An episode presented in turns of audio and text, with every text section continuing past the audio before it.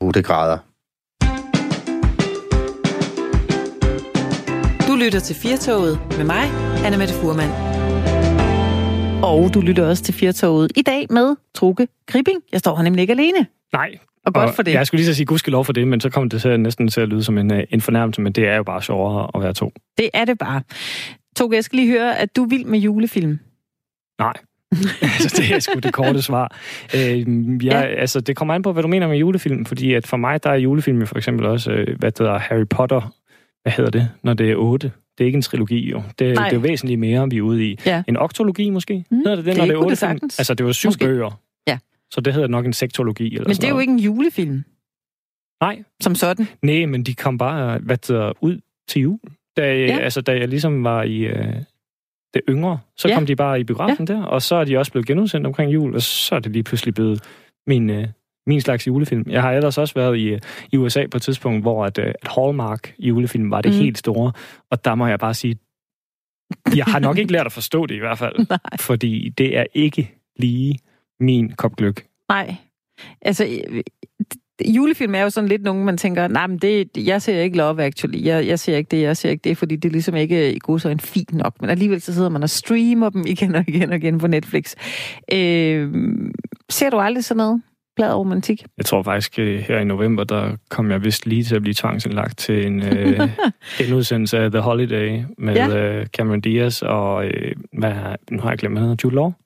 Han hedder Jude Law, yes. Ja, og der ja. var også øh, noget Kate Winslet og Jack Black indover. Ja. Men, øh, men ellers så nej. Og, men det gjorde ikke noget for dig? Jeg synes jo også, det er synd, at jeg står her, og så kan jeg ikke engang rigtig komme på så mange danske julefilm ud over krummerne. Og jeg ved ikke engang, Pyrus på pletten, er det bare en film med Pyrus, eller er det en julefilm? Den kender jeg så øh, på ingen måde. Øh, det ved jeg ikke. Altså Nå. sidste år, jamen, det ved jeg ikke. Jeg, Men jeg altså, den kom med også, da jeg var barn. Jeg har set den. Jeg kan bare ikke huske, om det var en julefilm, eller om det var en... Nej, øh... jeg ved det ikke. Øh, mine børn synes jo, at øh, Die Hard, det er julefilmene. Altså, den foregår det, også til jul. Ja, men det er jo ikke en julefilm. Det er, altså, det er jo en actionfilm, jeg ved godt, den er... Øh, nogle af dem i hvert fald er noget ældre dato. Øhm, men, men det er jo heller ikke en, en jule-julefilm på den måde. Men, men alligevel, så bliver det hurtigt en julefilm, fordi man ser den der, og så den foregår også den første i hvert fald juleaften, ikke? Eller tæt på juleaften. Øhm, men jeg ved ikke, øh, om der er andre, måske der lytter med. Hvis du lytter med lige nu, er du så sådan en øh, julefilmstype? Er du sådan en, der har det legnet op, når du får, øh, når du får juleferie fra arbejdet? Så skal du igennem de første 10 julefilm, så skal du sidde i dit nattøj og spise marcipan og øh, drikke gløk, og så skal du øh, kværne den ene film efter den anden, selvom vi ikke har sne, og selvom det måske ikke minder om jul udenfor, så kan man godt komme i stemning. Du kan jo skrive ind til os på 1424, du skriver R4, og så din besked. Du må også meget gerne ringe ind til os på 72 30 44 44, og så del, om øh, du ser en julefilm. Det kan være, du har det som, øh, som dig, Toge, som øh, ser Harry Potter, som er noget helt andet. Der, man må lave sine traditioner, som man vil. Jamen, jeg, jeg tror, det, det er jo ikke så meget det, at der er jul som tema. Det er mere det, at man ser dem til jul. Altså, ja, det er det. Så, så det, det, kan, det kan jo også noget, hvis man lige pludselig bare tænker, nej, men altså, Harry Potter, så er det nok pebernød og konfekt nu. Jamen, det er da lidt morsomt. Men det kan også være sådan lidt øh, Pavlovs hundenagtigt, at man, hvis man nu kommer til at sidde og se Harry Potter-film om sommeren, og så man bare får lyst til juleslik. Ja, det er det. Altså det, fordi sådan har mine børn det faktisk med Die Hard. Altså de vil ikke se dem, før vi når hen til december måned. Jeg har jo foreslået nogle gange i sommer så også, at vi kan da bare se den øh, firen så. Nej, det vil de ikke. Altså det, er, øh, det hører sig december måned til. Ja, det hænger så, jo nok øh, sammen med, at man er så fasttømret, som i, der blev jo snakket om i går, ja. Altså, at ja. julen har så fasttømrede traditioner, at, øh, at der er bare meget få ting, man piller ved. Og hvis man så har fået bygget ind, at uh, det her, det hører sig til julen, jamen så er det sådan der. Det er det. Hvis du vil byde ind med dit bud på en uh, julefilm, du ser en tradition, du har, hvad angår film, så er 1424'eren åben. Det er telefonen også, 72 30 44 44. Nu skal vi lige runde med det Frederiksen. Jeg ved ikke, om hun er julefilmstypen. Hun virker ret juleglad, når man øh, følger hende på Instagram i hvert fald. Og hun har jo været Danmarks statsminister siden 27. juni, og det er jo lige knapt øh, et halvt år, hun har haft i førersædet for Danmark. I onsdags, der var der NATO-topmøde i London, og vores statsminister Mette Frederiksen deltog selvfølgelig. Efterfølgende mødtes hun med øh, præsidenten Donald Trump, den amerikanske præsident Donald Trump, til en øh, snak, så meget snak, der nu kan foregå mellem to topledere, men øh, USA og Donald Trump accepterede i hvert fald, at der nu bliver indgået en samarbejdsaftale med Danmark, Grønland og Færøerne. Der er altså ikke noget med lige at flå eller købe rigsfællesskabet i stykker. med det Frederiksen, hun fik sådan øh, håndhævet vores su- suverænitet og fik øh, ros for det her møde. Det fik jo også til at undre os en lille smule. Hvordan går det egentlig med øh, Mette Frederiksen som, som statsminister? Ja, jeg ved heller ikke lige, altså, hvor meget gjorde hun egentlig? Altså, er det ikke bare at sige nej, eller hvad? Altså, det er jo det, er jo det jeg godt kunne tænke mig at vide. Altså, hvor, hvor stort et dilemma har hun egentlig været i den situation med, øh, med Trump? Altså, det virker jo udefra set rigtig nemt bare at sige, nej, vi sælger ikke. Det er det. Men hun blev ros, for hun gjorde det på en håndfast måde. Lige nu skal vi tale med TV2's politiske redaktør, Troels Møhlenberg. Hej med dig, Troels. Hej, hej. Hej. Tak fordi du ville være med her i Firtoget. Jamen, jamen selvfølgelig vil jeg det. Vi øh, talte lidt om Mette Frederiksen her, og øh, talte om hendes start som, øh, som statsminister. Hvordan har hun taklet sin, øh, sin nye rolle? Øh, altså, jeg vil sige, at med de statsminister, jeg har fulgt igennem årene, så øh, er Mette Frederiksen nok den, der har fået den allerbedste start overhovedet. Forstået på den måde, altså hvis man sammenligner, øh, hvis vi tager den forrige øh, øh, Lars Løkke, så øh, kom han jo til, i anden gang han blev statsminister, kom han jo til efter et kæmpe øh, valgnederlag, øh, hvor at, øh, han prøvede at samle den borgerlige blok, og det lykkedes ikke rigtigt. Held Thorning Schmidt øh, blev fanget i en hel masse valgløfter meget hurtigt efter hun blev statsminister. Øh, Anders Fogh Rasmussen, hvis man tager ham, han fik en, en, en god start. Man gik jo også meget hårdt til den med at skulle straks nedlægge alle mulige råd og nævn og det ene og det andet eksperter, så han fik rigtig mange imod sig fra starten. Det var også med vilje. Og Poul Nyrup kom jo til, fordi Poul Slytter øh, valgte at gå af. Det er sådan, hvis vi tager dem i nyere tid. Og der er ingen af dem, der har haft den her, det første halve år, så utrolig nemt, nærmest uden øh, modstand. Hvis man skal tage udgangspunkt i, øh, i Mette Frederiksens egen øh, lejr, hvordan øh, er det så at øh, lykkes hende at, øh, og, øh, at klare sig uden om de øh, udfordringer, som, som Helle Thorning imødegik? Altså, den helt store forskel på øh, de to er jo, udover alt muligt personligt, så er det jo, at Mette Frederiksen har en regering, der kun består af Socialdemokrater. Så det vil sige, at der er ikke nogen af de andre partier med i regeringen til at kaste grus i maskineriet eller til at ville noget andet. Det er det ene. Det andet er, at de socialdemokrater, som er med i regeringen, de har jo åbenbart øh, man sige, kysset ringen og knælet foran øh, Mette Frederiksen og måske også lidt foran Martin Rossen øh, og svoret troskab til alt, hvad Mette Frederiksen siger. Øh, og det virker, nu siger jeg det sådan lidt firkantet, øh, men det håber jeg, I tilgiver. Det virker som om, at, øh, at øh, de, de får ikke lov til at rokke med ørerne uden at have bedt om lov. Og det gør det jo meget nemt øh, at være statsminister, fordi ingen gør noget, som de ikke har fået øh, lov til øh, på forhånd, og folk gør kun det, som øh, hun har sagt til dem, at de skal. Sådan har det i hvert fald indtil videre virket, og det har jo blandt andet betydet, at regeringen indtil videre, og Mette Frederiksen indtil videre, stort set ikke har haft eneste af de der sager, hvor øh, man render ud i problemer. Det skal nok komme bare roligt for dem, der gerne vil have det men øh, hun har i hvert fald øh, snået sig fuldstændig fri af dem indtil videre. Nu, nu må du rette mig, hvis det her bliver øh, for øh, personfixeret, Troels, øh, men, men altså, har, hænger det også sammen med, at øh, Helle Thorning forhandlede med Margrethe Vestager, som, øh, som jo har ry for at være lidt en, en, en politisk hardhitter, og at, øh, at Mette Frederiksen måske selv mere er over i den her hardhitter-boldgade, og så har haft øh, en, øh, en fyr som, øh, som Morten Østergaard, hvis vi nu øh, nøjes med at snakke de radikale? Ja, Jamen, det, det tror jeg er helt rigtigt og indlysende, at øh, den, øh, den øh, kamp, der blev kæmpet mellem, øh, mellem uh, Margrethe Vestager og øh, Helen Thorning Schmidt, var en helt anden kaliber end den, der bliver kæmpet nu. Til trods for, at Morten Østergaard selvfølgelig også forsøger at få kæmpet sine mærkeserier igennem, så er det jo slet ikke på samme øh, høje navler, som det var dengang, hvor øh, i 2011, da de sad ude i det sorte tårn, og de her mytiske øh, forhandlinger. Og det var blandt andet fordi, at der skulle de jo finde ud af at skulle i regering sammen. Det sagde Mette Frederiksen jo fra starten. Det kan I godt glemme. Øh, jeg vil i regering alene. Øh, så I, altså, I, det, det, det er på min måde, eller så er det på ingen måde. Og det har vi jo også set her i seneste forhandlinger om finansloven. At Mette Frederiksen jo har fulgt dem på sidelinjen, men har alligevel blandet sig om markeret over for Morten Østergaard, at øh, at der går altså en grænse, og hun er ikke bange for at udskrive nyvalg, hvis det var det, der skulle til.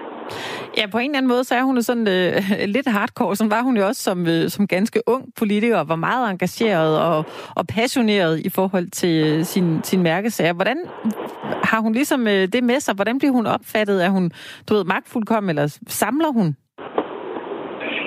Det sjove med Mette Frederiksen, når man kigger tilbage på historien, og det er jo okay, at politikere skifter holdning, men hun er jo en af dem, som har virkelig øh, flyttet sig virkelig meget fra de synspunkter, hun havde, dengang hun var en ung politiker, som øh, gik ind i politik, fordi hun var meget engageret i, øh, i spørgsmål om, de, om, om fattige mennesker øh, i, i Afrika og, øh, og immigrantsituationen. Øh, til nu at være en, øh, altså en virkelig hardliner på udlændingepolitikken.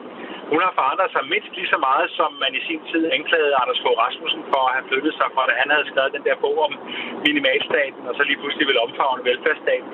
Øh, men hun har jo været dygtig, rigtig dygtig til at, øh, at undgå, at det her bliver et, bliver et tema, fordi hun er øh, vel nok øh, klart den stærkeste politiker på Christiansborg lige i øjeblikket. Hun er enormt velforberedt til det her job hun har fået. Hun har rutine fra, fra statsministeriet, og, og, og ikke mindst har hun de sidste øh, 3-4 år, mens hun har været formand, har det jo entydigt handlet om præcis det her. Hun har sådan set skulle bruge tiden på kun det, og forberede sig på at blive statsminister. Og det har hun altså gjort øh, virkelig grundigt, øh, og hun er en meget stærk øh, politiker, som jo, øh, kan man sige det sådan, ikke skyer mange midler for at få sat sine øh, holdninger og sin måde at gøre tingene på igennem. Og det har de ligesom accepteret i Socialdemokratiet. Det vil sige, at der er ikke nogen mislyde øh, hos Socialdemokraterne. De ved godt, at de gør, som øh, Mette Frederiksen siger, ellers så er de ikke med på holdet. Sådan. Men hun har også en, øh, en blød side, øh, kan vi se. Lige nu, der gør hun sådan en, en julekalender via Instagram, hvor hun opfordrer hele Danmark til, at man kan stille hende spørgsmål omkring øh, emner fra i år, som man gerne vil høre noget mere om. Det er jo en meget inviterende og sådan folkelig holdning at have. Øh, hvordan klarer hun sig egentlig blandt dem, der så har stemt på hende? Eller dem, der var skeptiske?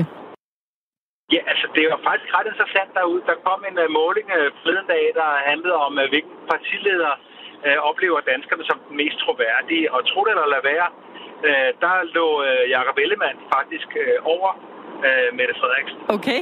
Så hun er, hun er jo ikke sådan, øh, hun er jo ikke øh, populær på den der meget folkelige måde. Altså jeg tror, øh, hun oplever sig mange som sådan lidt tilknappet. Men det tror jeg heller ikke, at hun er ked af. Øh, og omvendt så åbner hun jo også på nogle fronter. Hun har et stort interview i Ud at se i den her måned, altså det, det blad, der ligger i togene, ja. øh, som er sådan meget personligt og ikke særlig kritisk. Hun, er, hun optræder jævnligt i, øh, i programmer som Aftenshowet eller Godmorgen øh, Danmark, og hun laver også den her julekalender på Instagram. Øh, øh, lidt det samme som Lars Lykke gjorde. Hun er ikke, afsted på, hun er ikke til stede på Twitter, øh, som jo der, hvor der bliver diskuteret rigtig meget. Det var Lars Lykke. Han kunne godt finde på at en sen nattetime og begynde at diskutere med journalister og andre. øh, men faktisk, det holder hun sig, sig helt fra. Så hun, hun er øh, meget stærk til det her med at iscenesætte sig som den statsminister, hun gerne vil være. Og det er jo også øh, vigtigt. Det er ikke sagt som en kritik. Øh, det er bare øh, sagt som en konstatering, at hun er de steder, hun gerne vil være, og hun siger for eksempel meget tit nej til, når, øh, når vi ringer fra, fra TV2-nyhederne, og for eksempel gerne vil have hende i, øh, i interviewprogrammer, hvor det måske er lidt mere hard talk, end når man er i Godmorgen Danmark. Al respekt.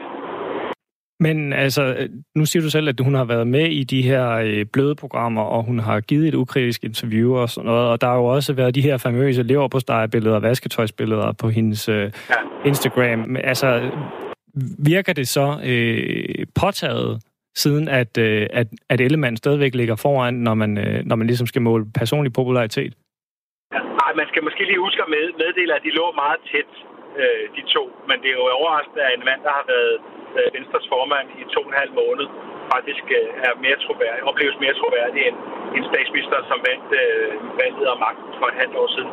Øh, men det, øh, det, det til side, så så er der jo, øh, og, altså for mig at se, at det er jo, at det er jo en del af moderne øh, politik, og selvfølgelig arbejde med sin iscenesættelse, øh, fordi at det jo også er en rolle øh, at være statsminister. Det er jo også en funktion, som som man skal varetage for hele befolkningen, altså også for dem, der stemmer stemme på en. Jeg tror, at øh, måske kan vi øh, kan mange huske øh, en af de første ting, som Mette Frederiksen sådan, øh, gjorde statsminister, var jo, da hun allerede i august måned sagde undskyld til de her Gudhavnsdrengene.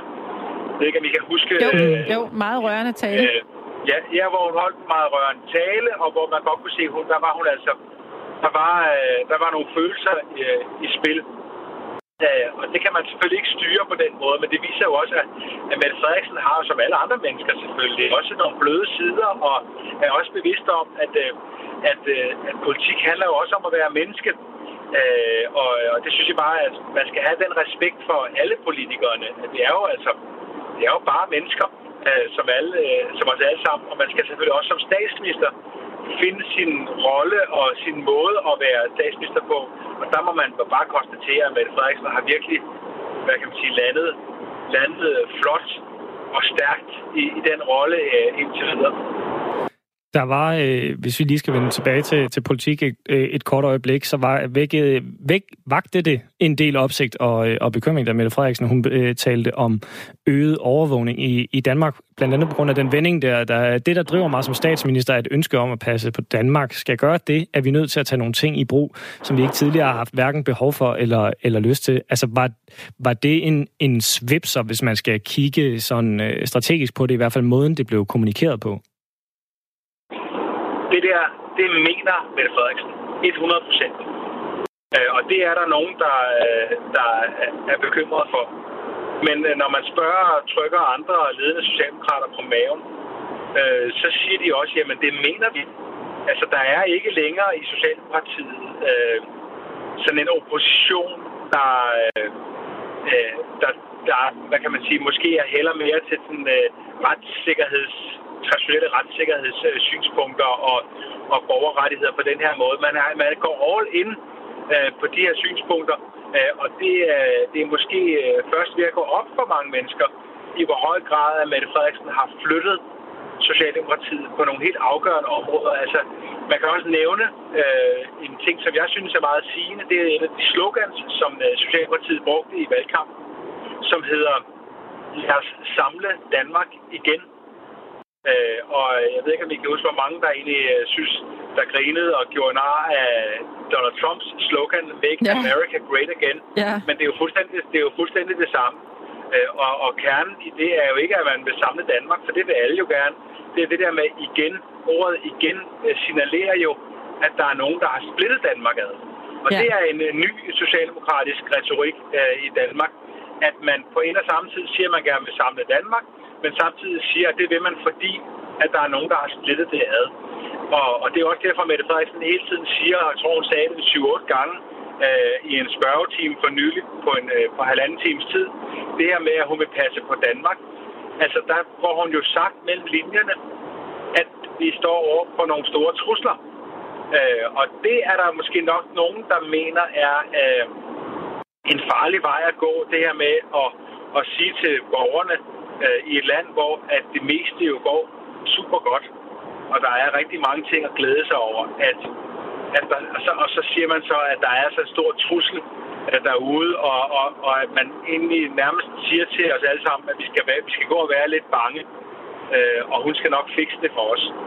Øh, det øh, er mit bud, at på et tidspunkt kan den retorik godt komme til at ramme øh, Socialdemokratiet øh, i nakken, men altså, det, det, er jo bare, det er jo bare et gæt. Men er, er, altså, er det kun retorikken, eller er det også politikken, der er anderledes? Fordi, fordi Søren Pape øh, for de konservative, det er selvfølgelig også øh, måske uheldigt, at man bliver nødt til at sammenligne med dem, men altså, øh, han advokerede jo også for, øh, for, for en del øh, overvågning, men, men måske ikke helt med, med samme øh, frygtretorik. Altså, øh, er det et udtryk for, hvor, hvor meget hun har flyttet sig, at, øh, at nogle af øh, holdningerne efterhånden ligner dem fra, fra den modsatte fløj? Ja, det er, det er meget øh, godt forklaret, at Socialdemokratiet er øh, på mange måder blevet et, øh, et mere nationalt konservativt parti, end det i hvert fald har været tidligere. Altså under Helle Thorning, så var, så var Socialdemokratiet et, i langt hen ad vejen et reformparti, som øh, videreførte den økonomiske politik, som, øh, som de radikale og de borgerlige partier egentlig havde, havde stået bag øh, før. Øh, og så ville vil man gerne lave masser af reformer med, med Bjarne Korydon og Helle Thorning i spidsen. Øh, der valgte Mette Frederiksen jo en anden tilgang, øh, som, øh, da hun kom til som formand.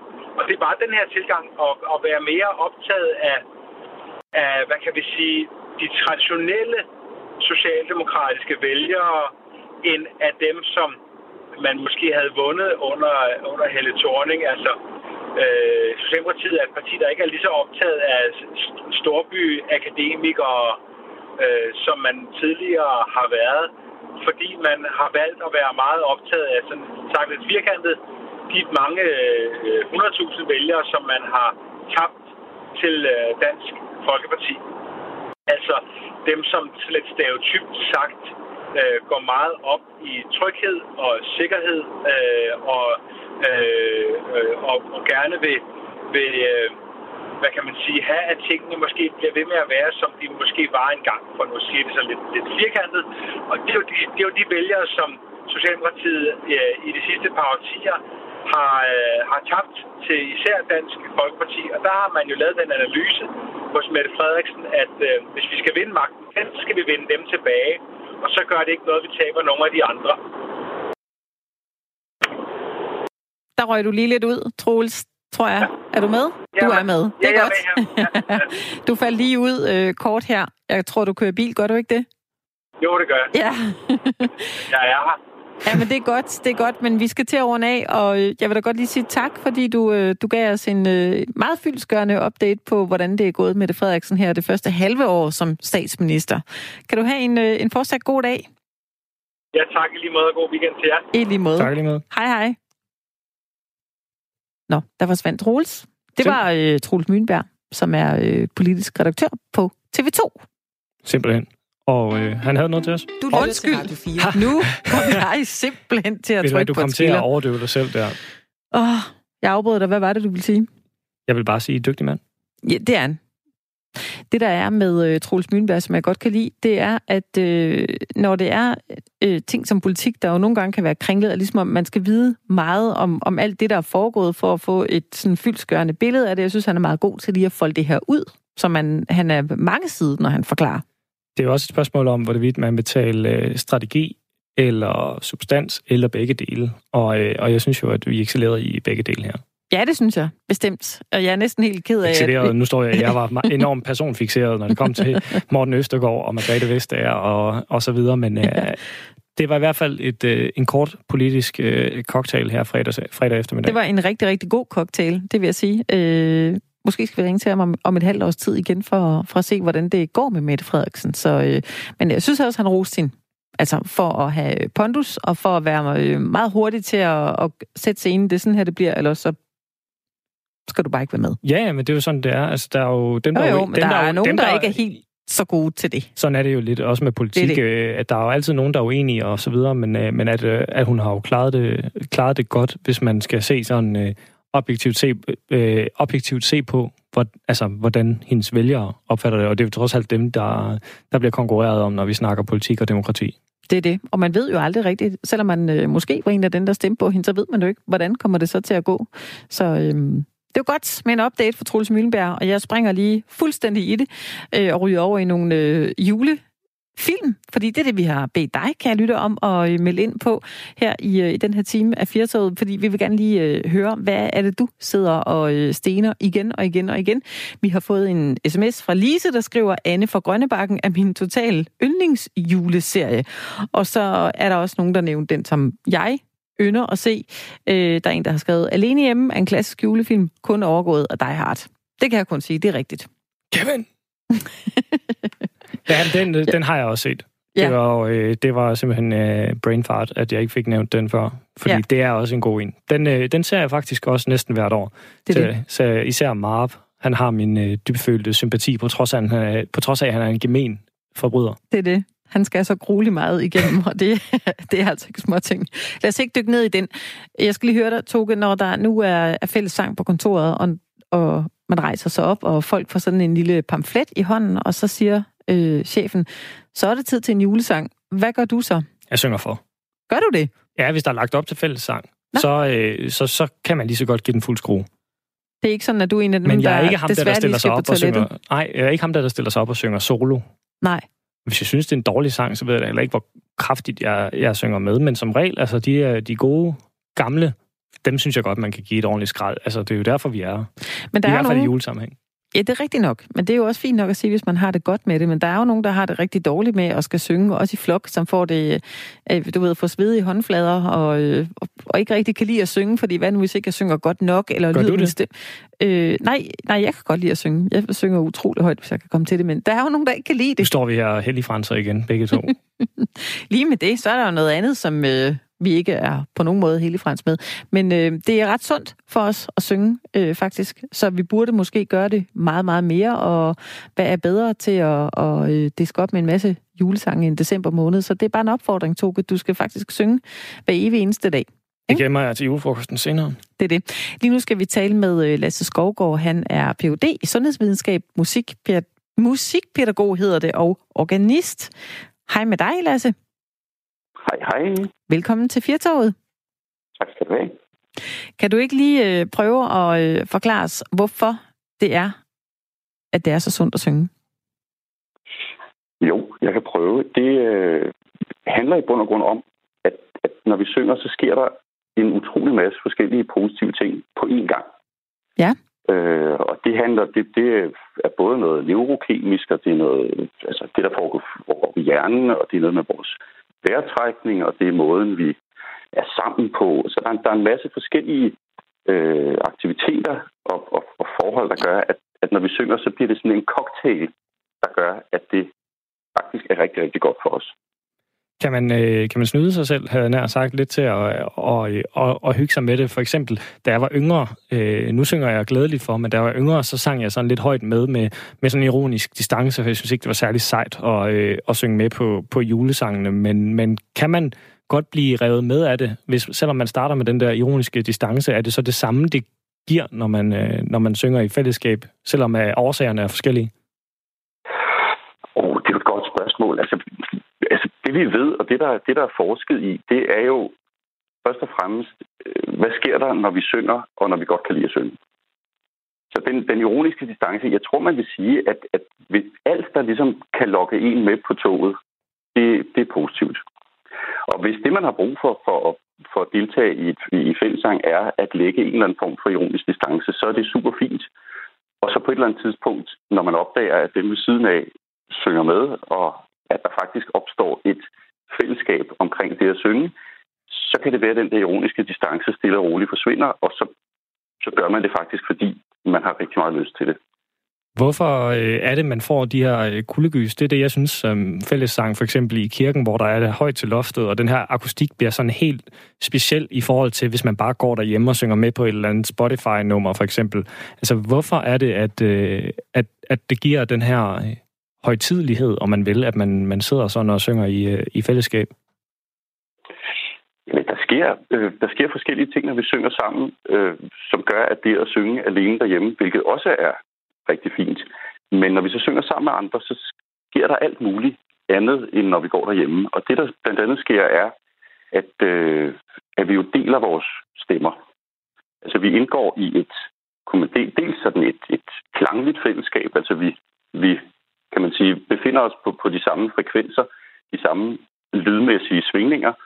Øh, vi, ud, vi udsiger den samme tekst. Og så sker der også noget rent hormonelt, øh, ved vi fra forskningen, at det, øh, det hormon, der hedder oxytocin, bliver produceret i større mængder. Og det er, det er et hormon, vi primært kender fra øh, mødre, der ammer. Og det, der, den, den virkning, oxytocin blandt andet har, er, at det giver os en følelse af samhørighed, altså af at være en del af et fællesskab, at høre sammen med, med, med de mennesker, vi befinder os øh, sammen med. Så der er flere forskellige ting. Der er både noget hormonelt, men der er også noget øh, som mere psykologisk, når vi sidder sammen med andre, der gør, at det bliver en, en, øh, en særlig oplevelse. Lasse Skovgaard, i en artikel i øh, Samvirke, der giver du øh, seks råd til at gøre det at synge til en god oplevelse for alle. Kan du ikke lige prøve at fortælle lidt om, om dem? Jeg tror, at grundlæggende handler det om, at, at folk skal være trygge.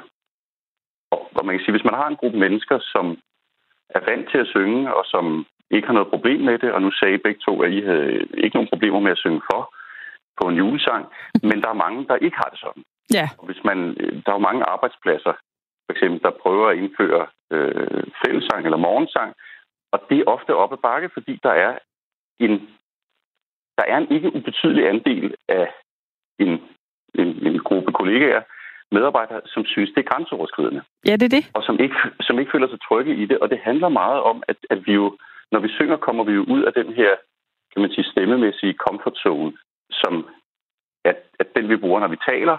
Men når vi synger, så skal vi jo, så skal vi jo højere op, og vi skal dybere ned, så vi skal bruge vores stemme på en anden måde, end vi er vant til. Og det, det kan være meget, meget grænseoverskridende. Fordi vores stemme er det er jo, det er jo, øh, det er jo sådan et personligt instrument. Det, det er meget intimt. Og jeg tror, det man skal gøre, hvis man skal arrangere noget fællesang, det er, eller der er flere ting, man kan gøre. Man skal, man skal tænke i, at det bliver en tryg oplevelse.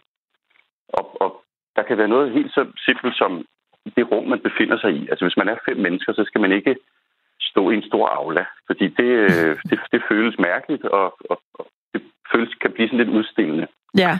Så, så, så man, kan, man kan vælge at forsøge at tilpasse rummet lidt, sådan, så, man, så man ikke føler, at man er, øh, at man er udstillet.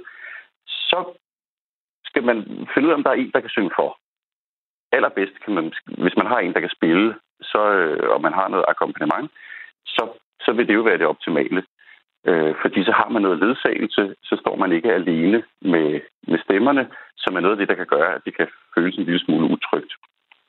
Øh, så ja, Hvorfor er det, vi, vi føler os så sårbare, når vi synger? Er det fordi, at, øh, at de fleste af os ikke er vant til at synge foran andre? Øh, ja, det tror jeg er en god del af forklaringen. Det er jo ikke noget, der de seneste sådan øh, 30-40 år har været en fast del af for eksempel øh, ens skolegang. Øh, når hvis vi går længere tilbage, så var det jo en fast del, og der fandtes sanglærer på skolerne. Og, og, og morgensang, og i øvrigt også sang i timerne, var en helt fast bestanddel, og der blev det en naturlig ting at bruge sin stemme på den måde. Og det er jo, det er jo forsvundet. Altså, der, der er mange skoler, hvor der står man måske og, øh, og hoster en, en, en, en øh, morgensang en gang om ugen, og, og det er jo ikke noget, man ellers gør noget for, at for, øh, for rigtigt at, at få, få sat i gang. Men så det er en del af forklaringen, men, men der, jeg vil sige, der, der foregår rigtig meget godt i øjeblikket. Øh, den instans, der hedder Sangens Hus, øh, er i gang med nogle projekter, lige netop for at få børn i skoler og daginstitutioner til at synge noget mere, og til at have en opfattelse af, at det er eller en oplevelse af, at det er naturligt at synge. Ja. Dengang jeg var, øh, var barn, der, der, øh, på min skole, der var der morgensang hver evig eneste morgen, og så vores øh, skoleinspektør, han øh, bad lige fadervor, når vi var færdige. Og det var ikke en øh, kristen skole. Altså det, jeg husker det som noget hyggeligt, at vi skulle øh, stå og synge morgensang. Øhm, men det er jo også blevet så uvandt på en eller anden måde, synes jeg. Og, og, altså jeg, selvom jeg godt selv kan lide at synge, og jeg er vokset op med en skole, hvor vi havde morgensang hver morgen, så øh, kan jeg da godt blive sådan lidt øh, tokrummende, hvis der er nogen, der pludselig bryder ud i sang, øh, enten på, på gågaden eller andre steder, hvor man tænker, ej, kan du ikke lige... Øh, kan du ikke lige gå hjem og synge så? Altså, er det, er det blevet lidt sådan, fordi vi synger så lidt sammen, øh, at det er, det er så uvandt, at man synes nærmest, det er grænseoverskridende, når der er nogen, der står og synger en lige ind i hovedet? Ja, jeg tror faktisk, der er mange, der har det sådan. Og, og jeg har da også selv oplevet, hvis man er i en forsamling, hvor, hvor, hvor folk ikke er vant til at synge, og man selv synes, at det øh, er alle tider, så man synger øh, løs, så er der folk, der i hvert fald ser ud som om, de synes, det er det sted ubehageligt, øh, at, at der bare det, at der er nogle andre, der synger. Ja. Og jeg tror, det er en, en, en fordi det bliver så fjernt, fordi det er så, øh, ja, er så uvandt, at nogen bruger stemmen på den måde, at øh, og man kan sige, så er der også langt til, at man selv begynder at gøre det. Men jeg tror kun, der er der er en vej, øh, og langt, langt, langt de fleste bliver jo bidt af det, og, og kommer til at og, og, og virkelig holde af det, hvis først de begynder at, at, at, eller først bliver en del af et sangfællesskab. Og det oplever man jo meget ude på højskolerne, for eksempel, øh, hvor, hvor man jo synger hver morgen som det mest naturlige i verden, og det er jo unge mennesker på 20-22 år. Og der går ikke særlig lang tid, så synes de, at det er helt naturligt, og, og langt, langt størstedelen bliver utrolig glad for det, fordi at det bare er noget, man gør.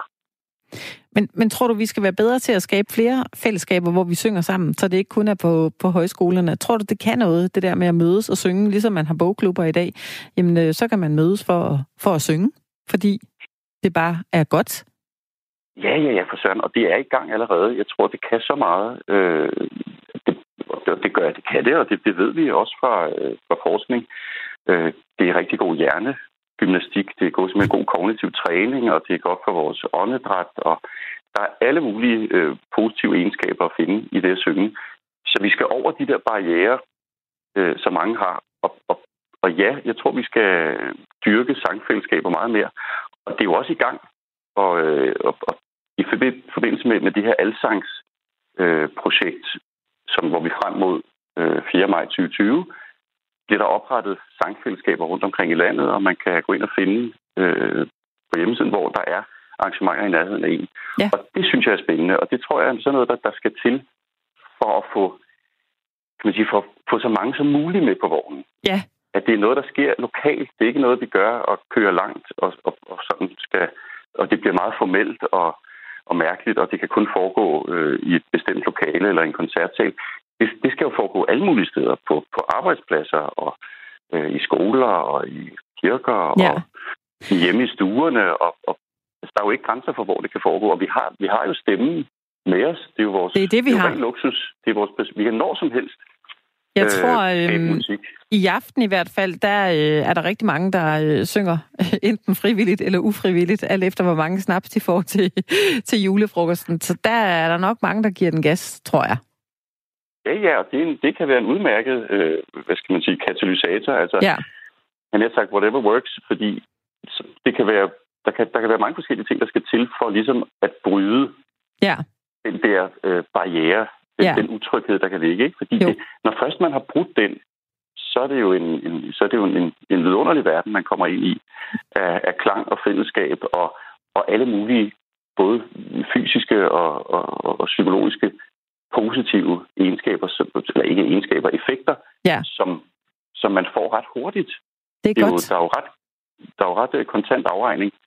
Man får det jo bedre, simpelthen når man synger to timer, hvor man burde blive træt. Ja. Så har man jo faktisk mere energi efter sådan en, øh, en det, sangsession. Ved du hvad, altså det tager vi med os her i Firtoget. Vi øh, to timer hver dag, det vil sige to timer i morgen lørdag og to timer i morgen søndag, så øh, skal vi lige prøve at melde ind, hvordan det går på mandag. Ikke? Tusind tak, jo. fordi du øh, var med her i Firtoget. Så må du have en, en god weekend og en fortsat god fredag. Tak for i lige måde. Hej med dig. Hej igen. Du lytter til Radio 4. Nå, Toge, bliver du inspireret til at bryde ud af sang? Ja, men nok ikke så inspireret, at øh, vi erstatter Firtoget af fælles sang hver, øh, det kunne vi da faktisk godt. Til 17. Ja, jeg tror folk vi bliver træt af os, hvis vi bare stod og bedrev øh, a cappella her i, øh, i to ja, timer hver eftermiddag. Lige præcis. Men øh, vi ved det faktisk ikke. Vi har ikke prøvet det. Altså, så øh, muligvis prøvede vi ud i, i sang. Vi har fået øh, en gæst, William Eising. Hej, Firtoget. Hej. Hej. Hej. Har du lyst til at bryde ud i sang? Jamen, ved du hvad, det er jo stor julefrokostdag i dag. Det er nemlig og, det. Øh, jeg ved ikke, om man må sige sådan noget i radio, men lige om lidt, så øh, er der jo øh, sådan en massevandring øh, her fra Radio 4, og så skal ja. alle de hårdt arbejdende øh, journalister ned og så øh, drikke sig fulde og op det, og sidde på kopimaskinen og sådan noget. Ja, det, jeg vil også sige, at jeg synes, at det øh, er noget til, til de kære lytter, så vil jeg sige, det er jo ikke, fordi I ikke er pænt klædt, de er sådan meget pænt hverdagsklædt. Ja. Men jeg sidder jo over for, for jer, synes jeg, relativt Ja. Ja, du er i, i det stiveste pus. Det er faktisk. Jeg synes, du ser utrolig godt ud. Altså, øh, vi burde næsten tage et, øh, du ved, sådan før-efter billede. Det ved jeg ikke om. før, før julefrokosten, midt i julefrokosten ja, og efter. Nok, ja. Men øh, du er jo ikke kommet for at tale om sang eller pænt tøj, William. Du er kommet for at, øh, at tale om film. Det er rigtigt. Det ja, var det. det er du nemlig.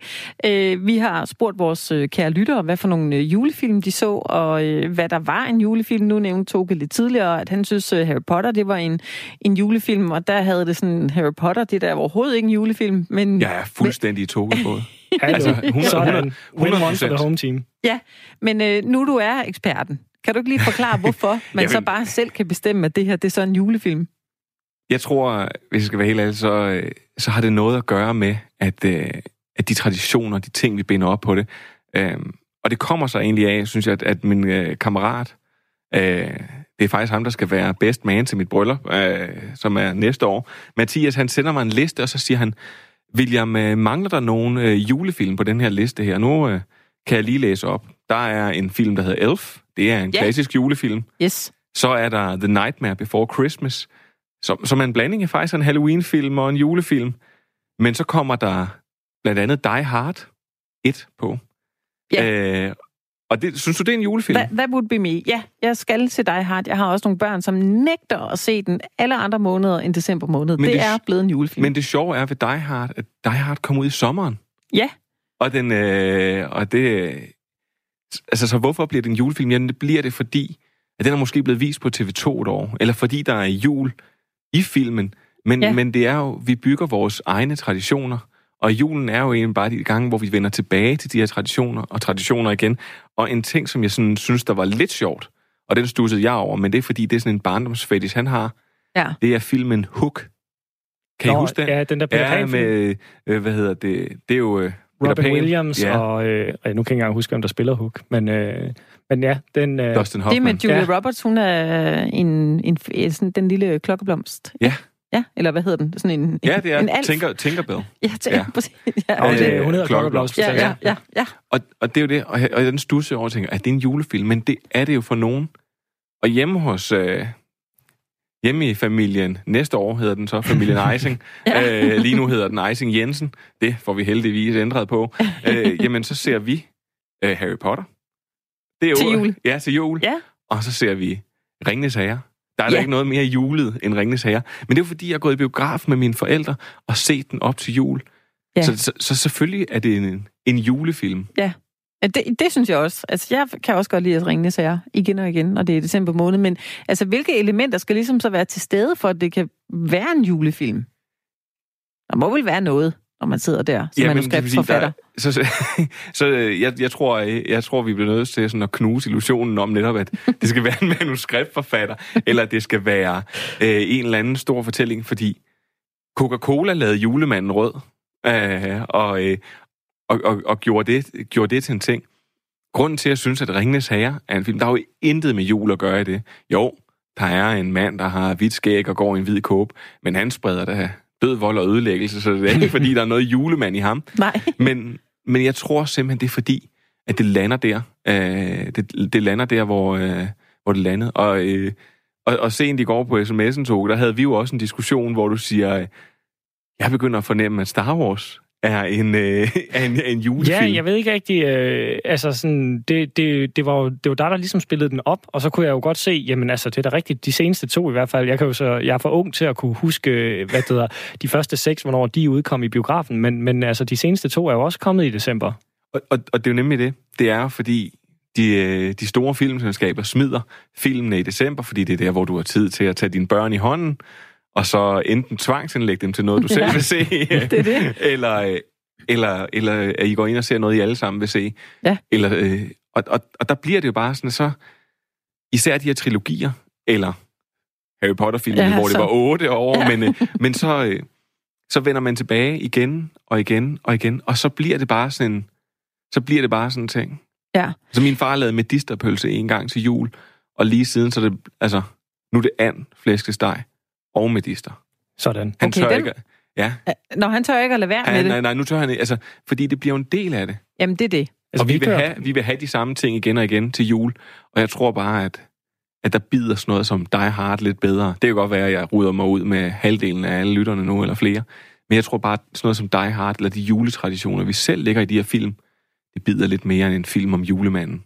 Altså, det kan godt være. Ulrik, han har skrevet ind og sagt, Nødebo Præstegård, det er den ægte julefilm. Så det kan godt være, at, øh, at han vil hvad der, far lidt op over, at, at du sidder her og bla, næsten blasfemisk, eller vi sidder her næsten blasfemisk og bliver enige om, at Ringnes Herre, Harry Potter og Die Hard, det er... Jeg vil faktisk godt være, jeg vil godt være enig med, med Ulrik på den måde, at indimellem, så kommer der en rigtig, rigtig god julefilm. Men prøv at tænke på, at øh, altså det her, øh, de der dogmefilm, de var vist heller aldrig rigtig gode.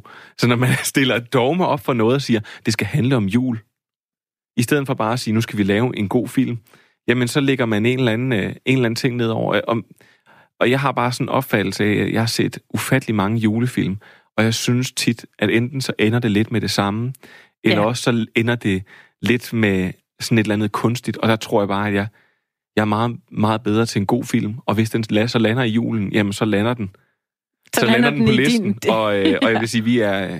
Altså, jeg har arbejdet meget, det vil jeg gerne sige undskyld til min søde kæreste, øh, Elisabeth, for, men vi er jo bagud, fordi vi har så travlt. Hun ja. sidder lige nu begravet i et stort projekt. Vi skal hjem og se Harry Potter. Ja. Det, det er jo... Øh, hvad er det? Otte film. Ja, og så det, skal vi lige gange op, og det er hvad? Det er 16-17 timer eller ja, sådan noget. skal ja. der til i gang? Ja, det skal vi virkelig. Ja, men, men der er jo altså mange, der laver de her obligatoriske julefilm, hvor man ved udmærket godt, hvad det handler om, og hvad det ender med, og hvordan plottet er den. Altså, hvorfor er det, hvorfor er det folk gør det igen og igen og igen? Det er jo øh, tomme kalorier, vil nogen sige. Men, men øh, altså, er tomme kalorier ikke også de bedste jo, kalorier? Jo, jo, jo, jo. Men lige der er jo nogen, der sådan rigtig kører på julen, ikke? Ja, men lige før, altså. jeg, prøver, lige før jeg skulle ind i studiet, ja. så stod der en uh, skål med småkager derude. Og, jeg og dem har bare, du spist? Ja, det har jeg faktisk. Ja. Rigtig, okay. rigtig mange af. Og jeg tror simpelthen, det er det. Jeg tror simpelthen, at vi skal finde svaret i, at der er heller ikke noget bedre, end at få et godt juleeventyr. For det en julefilm skal, det er, at den skal, den skal få os i julehumør. Og grunden til, at du sætter dig og ser Die Hard sammen med dine børn, ja. det er fordi, så husker du på alle de jule, hvor du har set Die Hard. Så, så jeg, jeg tror egentlig, at pointen ved alt det her, det skal være, at en, jule, en god julefilm, det er en, der, der gør en i, øh, der, der bringer en i julestemning. Og ja. det er lidt forskelligt. Men jeg synes, at hvis en, en, altså en, faktisk en rigtig god julefilm for mig, er faktisk stadigvæk også Elf, som er en klassisk julefilm, ja. hvor der er noget juletema i. Så det kan, godt, det kan jo godt lade sig gøre. Det kan godt lade sig og, gøre. Og have julen som, øh, som udgangspunkt. Men der er jo også, der er jo også nogen, der falder i, igennem. Er det fordi, at, øh, at vi som ser også er lidt mere kredsende, eller hvad? Altså, vi gider ikke de der billige studieproduktioner med halvdårlige skuespil, øh, hvor det hele ender lykkeligt, og de sidder foran juletræet og pejsen. Jeg tror, vi er blevet forventet. Men øh, du har fat i noget, for vi er blevet forventet med en rigtig, rigtig høj kvalitet. Og vi er... Øh, altså, vi, vi, vi lader os ikke bare spise af med hvad som helst. Det er derfor, tror... det er lidt sjovt at se dig har det. ja, det, altså, men, men, men, man, man jeg, jeg køber præmissen, faktisk. og jeg, synes, jeg ja. synes, det, det er stadigvæk en god film, ikke? Det er det, og, ja. og den, øh, den kan bare noget, og man kan altid prikke huller i gamle film og sådan og Det kan man også i nye film, men jeg tror nogle gange, så skal man simpelthen tage det for det, som det er. En, en rigtig god tradition, og så tror jeg, lige præcis som du siger, at, at det her med, at, at en julefilm, man slækker jo gerne lidt, måske på kravene nogle gange til at sige, nu skal vi have en, der rammer ned her. Altså, det skal jo ikke være nogen hemmelighed, at der også er en forretning i det. Nu skal vi have en film, der rammer lige ned i den her højtid, og det er en julefilm, og så bliver det... Altså, det er jo svært at opfinde den dybe tallerken igen og igen og igen. Ja. Men er, er vi som danskere også sådan, dem der, der godt kan lide uh, traditioner og, og genudsendelser? Altså Disney store juleshow, det kommer hvert år. Og uh, da jeg var i, uh, i USA, der fik jeg ligesom den der uh, følelse af sådan, jamen, det er jo gamle film. Hver gang jeg sagde, den her film synes jeg er rigtig god, sådan, den er gammel fra nullerne. Altså, det var ja. hvor, altså sådan, øh, øh, nu ved jeg ikke lige om, om, om, om rent kulturelt, det, William, hvor, hvor meget du er inde i danskernes øh, Nej, det, forbrugsvaner. Det, det, ikke voldsomt, men det jeg faktisk vil sige, det er, at, at en ting, som de har meget i USA, det er jo, at de har de her øh, Christmas specials, som er, øh, det var meget, da man havde sitcoms før i tiden, at så kommer der, øh, så kom der sådan en. Og der er det jo, at nogle af dem er faktisk, øh, når man nogle gange har siddet sådan og binget nogle af de her gamle komedieserier, så har jeg godt mærke, at så, øh, så får man sådan en, en, et juleafsnit midt i sommeren. Men der er faktisk nogle af dem, som fortæller nogle ret gode julehistorier. De skal også altid have et Thanksgiving-afsnit og et Halloween-afsnit, men de er meget... Øh, får en vigtig mail. men, de, men de er jo meget bundet op på øh, på de her traditioner. Og jeg ved ikke om... Jeg tror også, vi er bundet op på traditioner, fordi ved du hvad, jeg sætter mig hvert år og sætter mig og ser Disneys juleshow. Men det er jo ligesom skumnisserne, ja. ikke? Nede i Netto. Du ser dem hvert år i december måned og tænker, jeg gør det ikke i år. Jeg, jeg skal ikke begynde på det der øh, skumslik, og så alligevel, hvad gør vi? Altså for, Sådan er det. Jeg gør. Jeg ved ikke, om I gør. For det The Icing Jensens, så er det, så er det snebolde. Snebolde, det er. Ja, også det, dem. Men det er jo et, det er jo et, det er jo et hårdt marcipanbrød. Ja, det er det, men ja, fordi det, det ser ud men, på den her måde, og i den her pakke, og fordi vi er vant til det i december måned, så er det en del af traditionen, så stiller man ikke engang spørgsmålstegn men en gang, Men en gang om året skal vi også mindes om, hvor frygtelig snøvel er. Altså, men øh, vi drikker det alligevel. det skulle alligevel. Findes ja. der egentlig stadigvæk øh, ambitiøse øh, juleproduktioner? Altså, fordi Elf har jo faktisk nogle år på banen. Det har Nightmare Before Christmas også. Altså, sker der egentlig noget, som, øh, som kan noget? Altså, jeg har faktisk lige set øh, en, øh, en meget anderledes julekalender er det lidt, eller sådan et jule, juleserie på Netflix, der hedder øh, Hjem til jul, og som faktisk lige er kommet op i går. Okay. Øh, Og den, øh, den så vi og snakkede om i Stream Chill, og der var lidt, øh, lidt øh, spredte mening om det, men jeg synes jo faktisk, at den var jeg synes faktisk, den var, var, var meget anderledes, og den var spændende. Og jeg tror, det er det, der skal til, når man laver, laver noget i dag, noget julet. Altså, vi skal, hvis vi hele familien skal købe lidt ind på det, og den her vil jeg sige, det var måske så lidt til den halvvoksne afdeling, det var skam, møder jul. En, øh, okay. en, en single kvinde i 30'erne, der, øh, der var på jagt efter en kæreste til jul. Og det, den var anderledes. Ja. Og det tror jeg nogle gange er det, der rammer os, fordi Elf er jo også anderledes, og The Nightmare Before Christmas, som nok må være en af mine allermest yndede og elskede øh, julefilm, den er jo meget anderledes. Det er en dukkefilm. Ja. Men hvorfor er det det? Hvor, hvorfor, er det en, hvor, hvorfor elsker du den så meget? Det gør jeg, fordi når ting går op i en højere enhed, øh, og man lykkes at lave en, når man ly, lykkes nærmest at lave en anti-julefilm, som handler om at stjæle julen, og, øh, og, det, og, og, man, og man gør det så flot, som det sker i filmen, gode stemmer til karaktererne, og ikke mindst virkelig, virkelig mange gode sange. Altså, det er jo det samme med, hvis jeg sige, Frost eller Frozen. Ja. Alle de sange der. Når der, når der er sådan noget der, så bliver det bare, så glider det hele meget nemmere ned. Ja. Det og, så, og, det, og ved du hvad, det er det, det skal i julen, ja. fordi der er så meget stress og ja med gaver, ja. og jeg ved ikke hvad. Og følelser og, følelser. og traditioner. Og, tra- og hvis ja. nu julen bliver lavet om, det talte vi om i går, det, det, det kan skabe drama i overvis, hvis der er en, der foreslår, at øh, man inviterer fremmede med til jul, eller man tager til Thailand og holder jul. Hvordan det er, er det nu i den der, men, men øh, den der jul, jul, jul, jul, jul, eller men rør, rør endelig. dog ikke blot, nej. Øh, rør dog blot ikke ved min gamle jul. Ja, præcis. Ja. Sådan noget lignende, det er jo nu, har vi fejlciteret det folk. Ja, fuldstændig. Ja, ja. Men, men, men det er you det. get the picture. Og det er det samme, prøv, det er det samme med julefilm. Ja det er vel også derfor, at de står ud i mængden, de her julefilm, fordi det er så svært at, at genopfinde julen, eller fortælle om julen på en, på en ny måde. Altså, så... Ja, og ved du hvad? Og i virkeligheden, så vil vi bare have, hvad vi altid har fået. så jeg vil sige, at, at til alle, der, der sidder derude og diskuterer, om det er en julefilm, eller om det ikke er en julefilm, det, der er, det, der er en julefilm for jer, det er en julefilm. Og det, og det skal man bare nyde. Yes. Og så, øh, den og så kan man tvinge det ned i halsen på sine børn. Whatever butters your dog. Ja, lige præcis. William Eising, tak fordi du gæstede os. Man kan lytte til dig, hvis man har lyst til at høre mere om film på dit uh, program. Og serier. serier. Det er serier. Og serier. Ja. ja, ja, ja. Stream and Chill, det er hver torsdag kl. 18, ikke? Ja, og faktisk også i morgen er der en genudsendelse 16.05. Ja. Og det er jo det, vi elsker genudsendelse ja. her i julen. Det er en genudsendelse af julen. Kan du have en, øh, en fortsat god fredag og god julefrokost til dig? Øh, kør forsigtigt. Planlæg, hvordan du kommer hjem. Det er, ja, jeg har lyttet med tidligere i dag. Det er, Godt. Og ved hvad i lige måde. Pas ja. rigtig godt på selv, og god det er weekend. godt. Tak fordi God du kom. Nå, så fik vi lige den.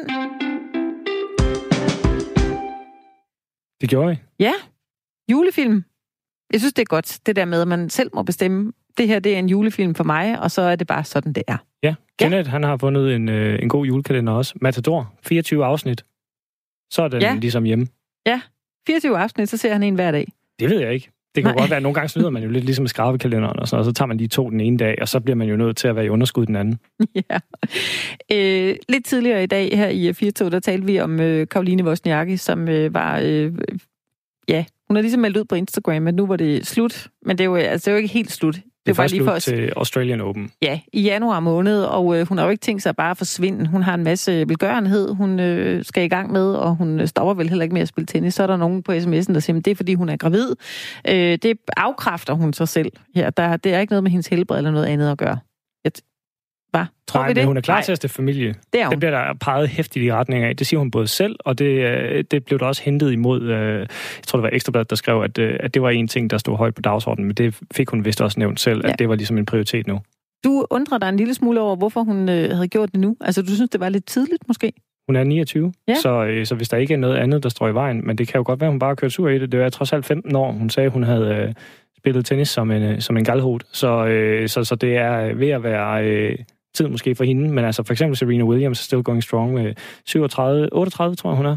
Ja. Så, så der, det kan jo lade sig gøre, men øh, det tror jeg, hey, jeg skal ikke være, for Serena, jeg skal ikke være ham, der løfter en pegefinger, når, øh, når man har haft så succesfuld en karriere, som hun trods alt har, og hun fik jo endelig den Grand Slam det er der det. i januar 18. Hun virker heller ikke som netop typen... Netop Australian Open. Ah, undskyld, nu taler vi i munden på den anden. Hvad siger du? Jeg sagde bare, hun fik endelig sin Grand Slam netop i Australian Open i 2018. Ja. ja. Hun virker heller ikke som typen, der giver op. Ever. Jeg tror, det er blevet en ting for hende bare at blive ved, og blive ved, og blive ved. Det er en ting for Piotr også. Nej, det var Serena Williams, som det blev en tekst for hende.